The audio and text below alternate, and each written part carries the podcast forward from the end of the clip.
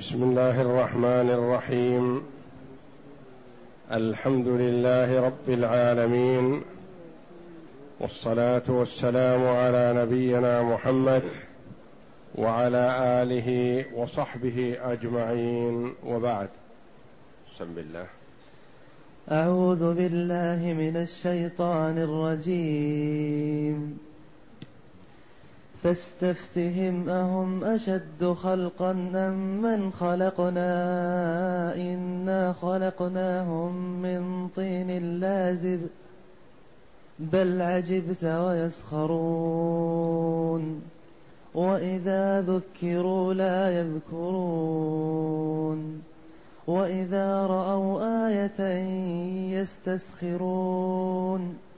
وقالوا إن وقالوا إن هذا إلا س وقالوا إن هذا إلا سحر مبين أإذا متنا وكنا ترابا وعظاما أإنا لمبعوثون أو آباؤنا الأولون قل نعم وأنتم داخ وأنتم داخرون فإنما هي زجرة واحدة فإذا هم ينظرون في هذه الآيات الكريمة من سورة الصافات يقول الله جل وعلا فاستفتهم أهم أشد خلقا أمن خلقنا إنا خلقناهم من طين لازب. فاستفتهم أي اسألهم. اسأل المنكرين للبعث. أهم أشد وأعظم خلقا أم خلق السماوات والأرض والملائكة والأمم السابقة قبلهم كانوا أولي قوة وكانوا أولي بأس وهذا شيء معروف لديهم لدى كفار قريش أن الأمم السابقة كانت أقوى منهم وأعظم خلقا. فإذا علموا أن خلق السماوات والأرض ومن فيهما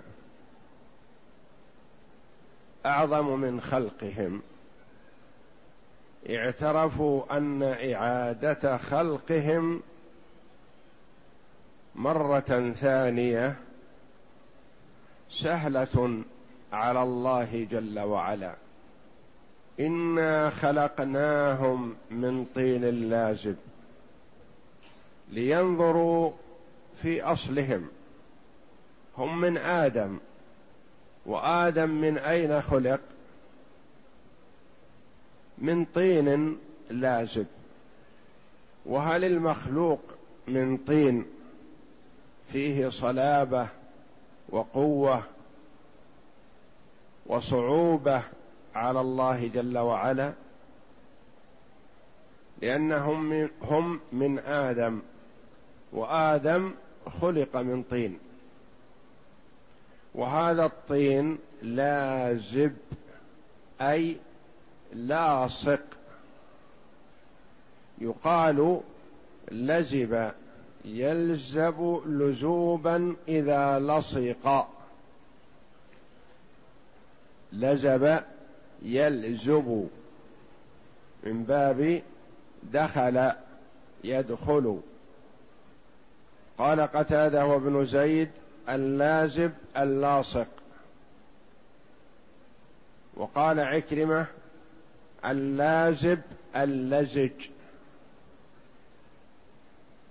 وقال سعيد بن جبير اللازب الجيد الذي يلصق باليد. قال مجاهد هو اللازم والعرب تقول طين لازب ولازم تبدل الباء من الميم. واللازم الثابت كما يقال صار الشيء ضربة لازب ومنه قول نابغة. لا تحسبون الخير لا شر بعده ولا تحسبون الشر ضربة لازب يعني لازم مستمر دائما وابدا. الخير يأتي ويزول والشر يأتي ويزول كذلك. فهذا تذكير لهؤلاء الكفار بأصل خلقهم. من أين خلقوا؟ من طين. وهم قالوا أإذا متنا وكنا ترابا وعظاما أئنا لمبعوثون. قال الله جل وعلا كنتم ترابا وعظاما تبعثون.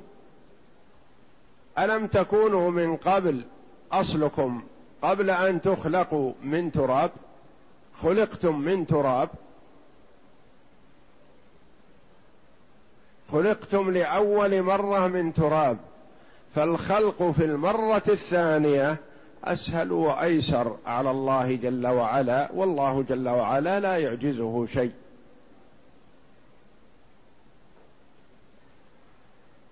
قال ابن عباس رضي الله عنهما لازب ملتصق يعني يلصق.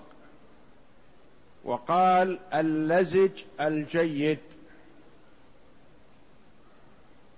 وقال اللازب والحمى والطين واحد.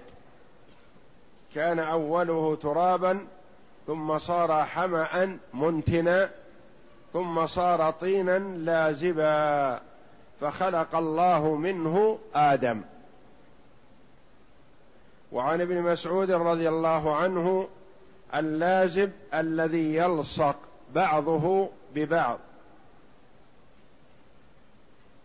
والآية تشهد عليهم بالضعف يعني بضعفهم ضعف الكفار ضعف كفار قريش.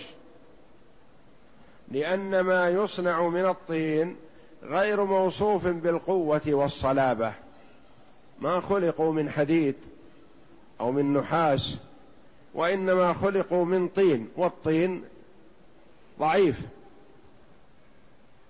أو احتجاج عليهم بأن الطين اللازب الذي خلقوا منه كان تراب. فمن أين استنكروا أن يخلقوا من تراب مثله؟ حيث قالوا أإذا كنا ترابا. فهم ينكرون البعث يقولون كيف نبعث؟ إذا كنا ترابا. قال الله جل وعلا أصلكم ماذا؟ أصلكم من تراب وخلقتم من تراب.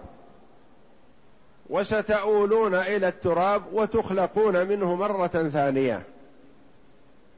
وكفار قريش ينكرون المعاد ينكرون البعث. وهذه الآية دليل على سهولة البعث ويسره على الله جل وعلا. ثم قال جل وعلا بل عجبت ويسخرون. بل عجبت قراءتان بفتح التاء عجبت وبضم التاء بل عجبت. بل عجبت يا محمد من تكذيبهم وإنكارهم لهذا الشيء الثابت بالأدلة الواضحة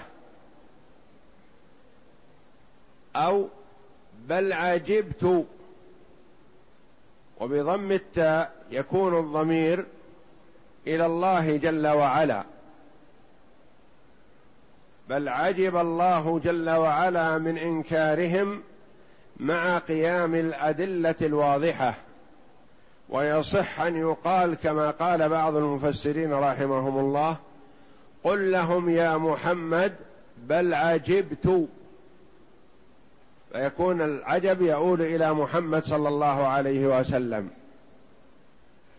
بل عجبت أنت يا محمد من إنكارهم. وتظن أن من بلغته هذه الأدلة لا ينكر. والأعجب من ذلك أنهم لا ينكرون فقط ويكذبون بل يستسخرون يسخرون. بل عجبت ويسخرون. هم مع تكذيبهم يسخرون. يسخرون بك وبالآيات النازلة عليك. أو قل لهم يا محمد بل عجبت أنا من تكذيبكم. يعني عجب محمد صلى الله عليه وسلم من التكذيب.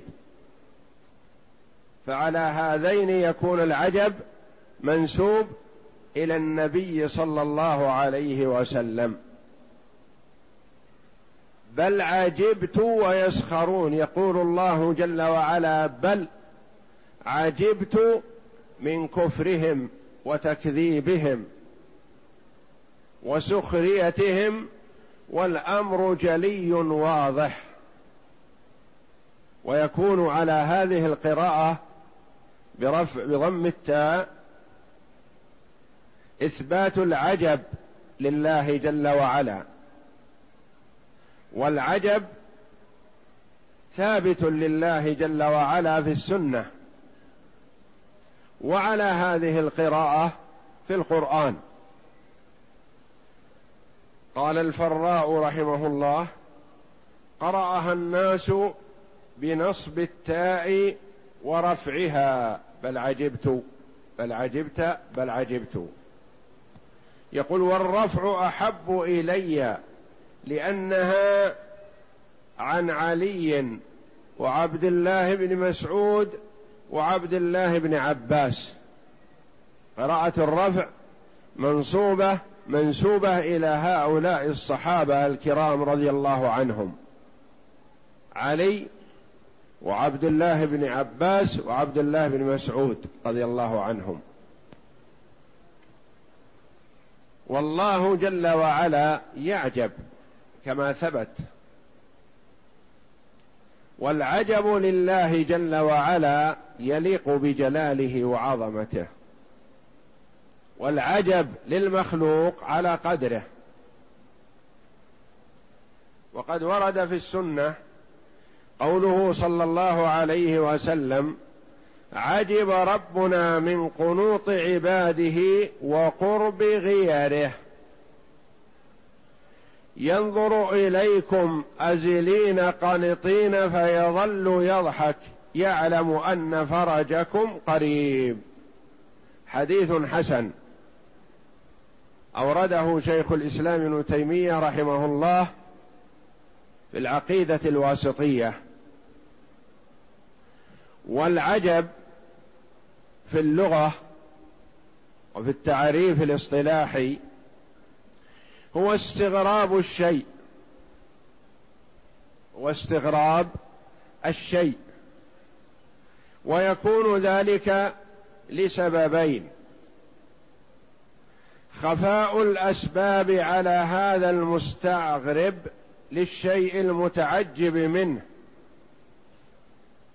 بحيث يأتيه بغتة بدون توقع وهذا مستحيل على الله جل وعلا. لأن الله بكل شيء عليم. لا يخفى عليه شيء في الأرض ولا في السماء. إذن فالسبب الأول من أسباب وجود العجب لا يليق بالله جل وعلا لأنه نتيجة عن خفاء السبب. والله جل وعلا لا يخفى عليه شيء. السبب الثاني أن يكون السبب فيه خروج هذا الشيء عن نظائره وعما ينبغي أن يكون عليه بدون قصور من المتعجب بحيث يعمل عملا مستغربا لا ينبغي أن يقع من مثله. من هو الذي يعمل عملا مستغربا؟ المتعجب منه.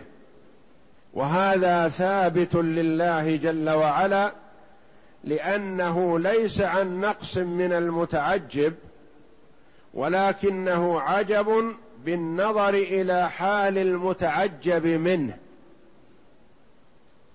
يعني يتعجب من حال الكفار. كيف تقوم الأدلة الواضحة العقلية والنقلية على إمكانية البعث ومع ذلك ينكرونه. فيتعجب من حالهم. فعرفنا أن التعجب والعجب يأتي لسببين. أحدهما خفاء السبب على المتعجب وهذا يتأتى في المخلوق. مثلا طالب طيلة أيام الامتحان مثلا مهمل مفرط. قبيل الامتحان بعشرة أيام جد واجتهد.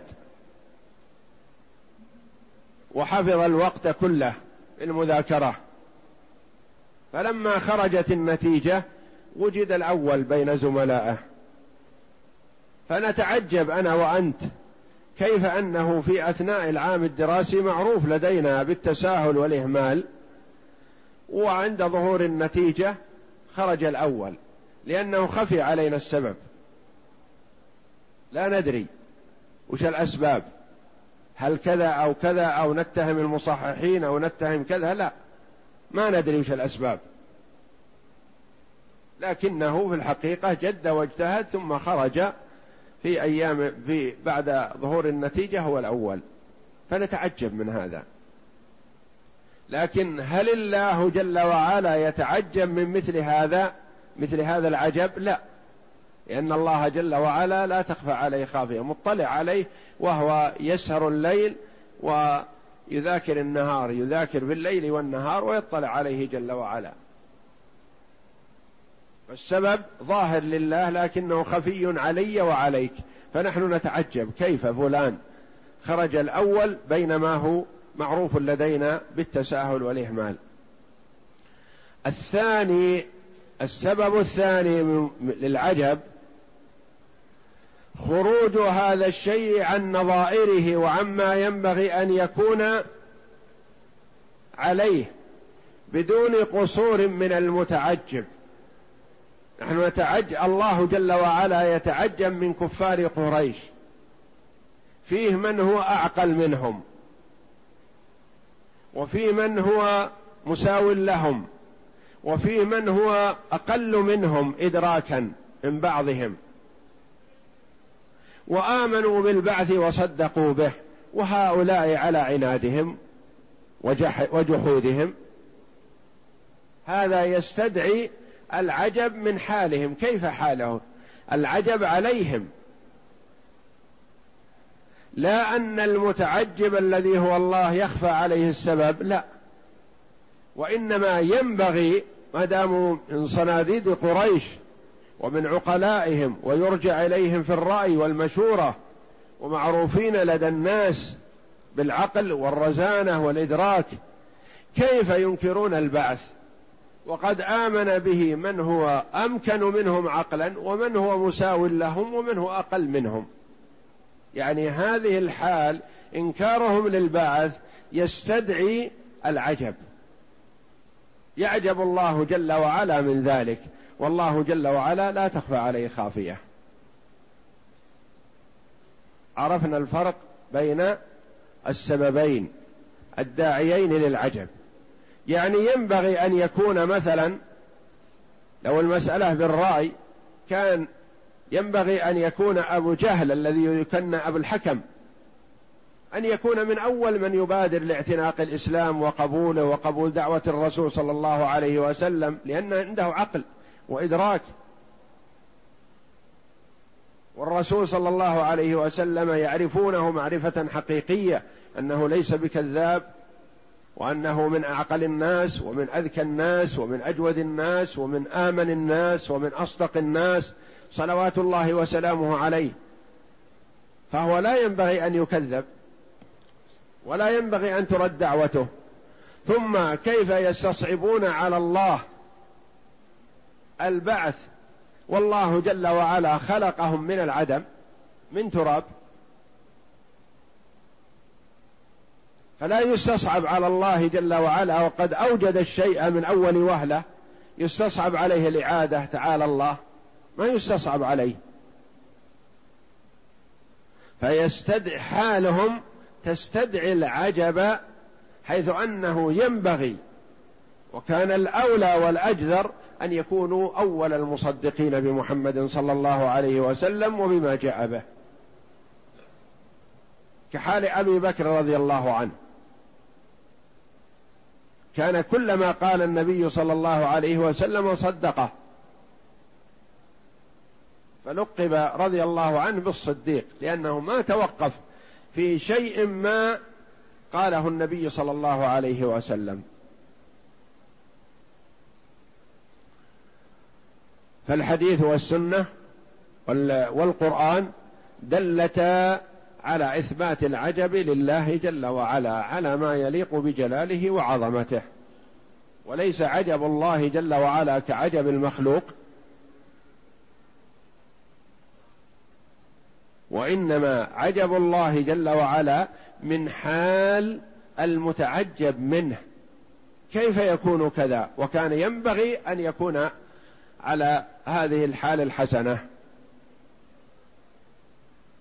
اذا بل عجبت إذا كان إسناد العجب إلى محمد صلى الله عليه وسلم فمعناه أن محمد يعجب من حالهم كيف ينكرون البعث ويسخرون من النبي صلى الله عليه وسلم؟ وإذا أسند العجب إلى الله جل وعلا كما هي قراءة الثلاثة من الصحابة رضي الله عنهم بل عجبت يعني أن الله جل وعلا يعجب من حالهم كان الأجدر بهم أن يكونوا أول المصدقين بمحمد صلى الله عليه وسلم وبما جاء به. فحالهم تستدعي العجب لأنه ينبغي الا يكونوا كذلك وإنما ينبغي أن يكونوا كذا من المؤمنين المصدقين بالبعث. بل عجبت أو بل عجبت ويسخرون ومع والعجب كذلك من سخريتهم أنهم لا ينكرون لأن بعض الناس إذا ألقي عليه الخبر اليقين الذي لا شك فيه كذبه.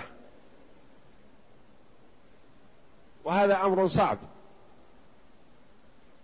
وهذا أمر صعب تكذيب الحق وتكذيب الصدق. صعب. لكن أصعب منه أن لا يقتصر على التكذيب فقط بل يسخر ويستهزئ. وهذا أفظع وأشد. يعني التكذيب بالحق غير مقبول. وأصعب من ذلك السخرية بالحق. بل عجبت ويسخرون. يقول انظروا إلى هذا الرجل. يقول اذا كنا ترابا وعظاما. يقول إنا لمبعوثون. يعني يسخرون من هذا. وإذا ذكروا لا يذكرون. يعني حالهم السخرية. وإذا ذكروا وعظوا وبين لهم الحق. وقيل لهم انظروا الأدلة العقلية. وانظروا الأدلة السمعية. انظروا إلى كلام الله جل وعلا الذي لا ينطق عن الهوى. الكلام الحق. انظروا إلى كلام الرسول صلى الله عليه وسلم الذي هو الوحي الثاني. لا يذكرون ولا يقبلون. عمي صم عن الحق. وإذا ذكروا لا يذكرون. ثم وإذا رأوا آية يستسخرون. قال ابن عباس رضي الله عنهما كانشقاق القمر. أعطاهم النبي صلى الله عليه وسلم آية بعدما طلبوها انشقاق القمر. يعني صار القمر قطعتين يرونه في السماء. فلما حصل هذا بدأوا يسخرون. قالوا سحرنا محمد. سحرنا. قمر على عيوننا. عطاء أعطانا شيء. جعلنا ننظر إلى القمر وصلتين وهو شيء واحد. فكانوا يسألون المسافرين والذين يقدمون إليهم من بعيد هل رأيتم القمر ليلة كذا وكذا؟ بهذا الشكل يقول نعم رأيناه. وهم ليسوا بجوار الرسول صلى الله عليه وسلم ولم يلقي على أعينهم شيء. بل هذا حقيقة آية معجزة أوجدها الله جل وعلا لمحمد صلى الله عليه وسلم. ومع ذلك ما كفى منهم أنهم كفروا بذلك بل يستسخرون. وهذه يستسخرون أشد من كونهم يسخرون. فالمراتب متعددة. واحد يكذب بالحق. وهذه مصيبة. الثاني يكذب ويسخر بنفسه. يسخر بالحق ويستهزي بالحق. وهذه أعظم من الأولى. الثالثة أنه ينادي في الناس يكذب ويسخر وينادي في الناس اسخروا من هذا الرجل يقول كذا وكذا. فيستسخرون يطلبون السخرية من الآخرين. وإذا رأوا آية يستسخرون. يطلبون السخرية ما يكفي أنهم يسخرون بأنفسهم وإنما يطلبون السخرية من الآخرين. وإذا رأوا آية يستسخرون. وزيادة المبنى تدل على زيادة المعنى. الأولى يسخرون والثانية يستسخرون يعني يطلبون السخرية مثل يستوهبون يطلبون الهبة. وقالوا إن هذا إلا سحر مبين. قال الكفار النبي صلى الله عليه وسلم ما هذا الذي أتيت به إلا سحر. مبين يعني بين واضح جلي. يزعمون ذلك وهذا الذي جاء به الرسول صلى الله عليه وسلم هو الحق. طابا وعظاما أئنا لمبعوثون؟ هل يعقل أننا إذا متنا وصرنا خلطا مع التراب نبعث مرة أخرى؟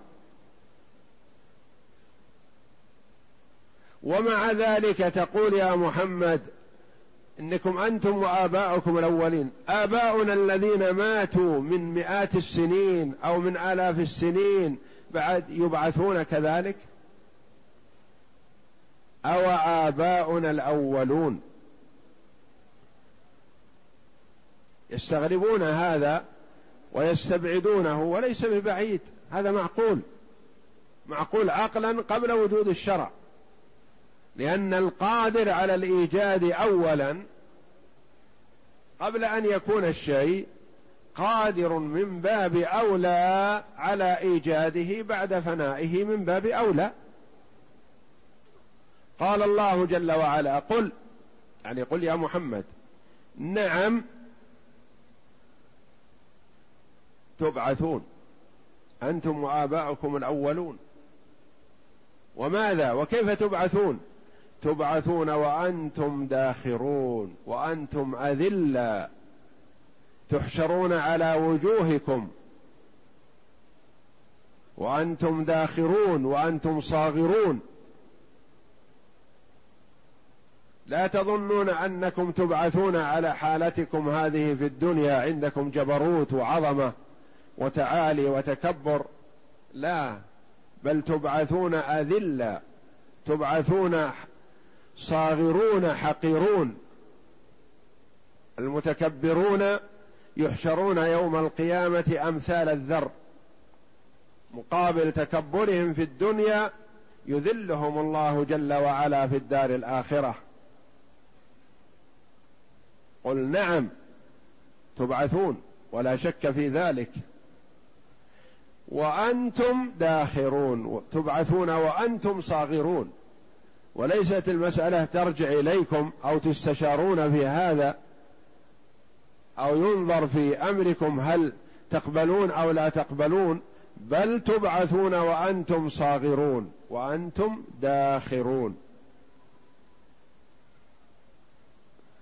وليس الأمر بصعب ولا يحتاج إلى تطويل ولا إلى مشقة ولا إلى إحضار مواد لتجتمع المواد التالفة.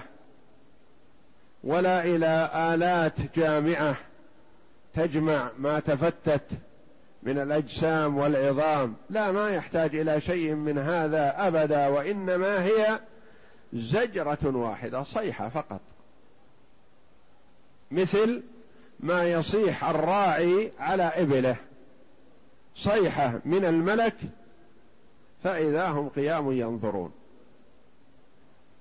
تعالى الله الله أكبر. فإنما هي صيحة واحدة زجرة واحدة. يعني الزجرة وسميت الصيحة زجرة لأنها فيها معنى الزجر. مثل ما يصيح الراعي في إبله يزجرها.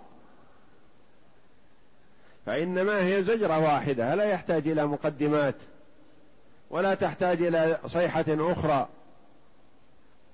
هي زجرة واحدة فقط فإذا هم قيام ينظرون. ينظرون بأبصارهم وينظرون إلى ما أعد لهم من العذاب. ينظرون إلى الأهوال العظيمة ذلك الموقف في ذلك الموقف وفي ذلك اليوم. فإنما هي زجرة واحدة فإذا هم ينظرون. هذه الآيات وهذه الأدلة يسوقها الله جل وعلا. لمن كان له قلب أو ألقى السمع وهو شهيد. كأنه يشاهدها. لأنها أخبار صادقة. لا مجال للشك فيها. والعاقل لا يستصعب ولا يستبعد ولا يستغرب شيء بقدرة الله جل وعلا.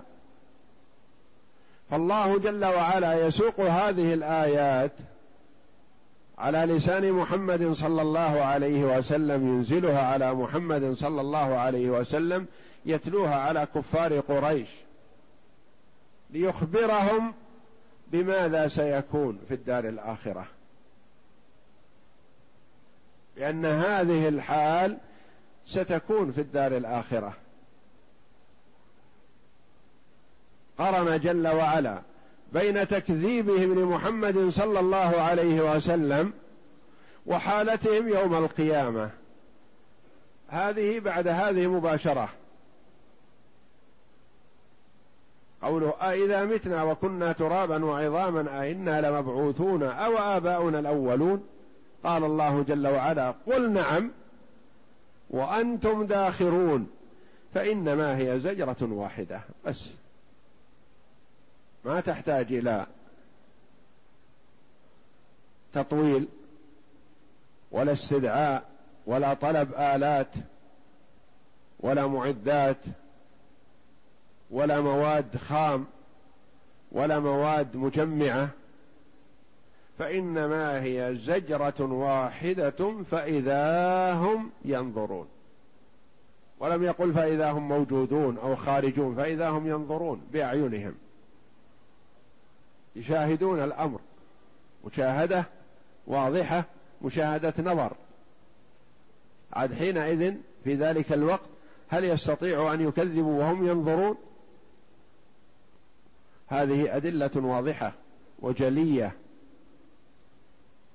على ثبوت البعث. ولا ينكر البعث إلا كافر كما قال الله جل وعلا زعم الذين كفروا أن لن يبعثوا قل بلى وربي لتبعثن ثم لتنبؤن بما عملتم وذلك على الله يسير سهل. ما دام أنه لا يحتاج إلا إلى زجرة من الملك فذلك سهل. فإنما هي زجرة واحدة فإذا هم ينظرون. والله أعلم. وصلى الله وسلم وبارك على عبده ورسول نبينا محمد وعلى آله وصحبه أجمعين.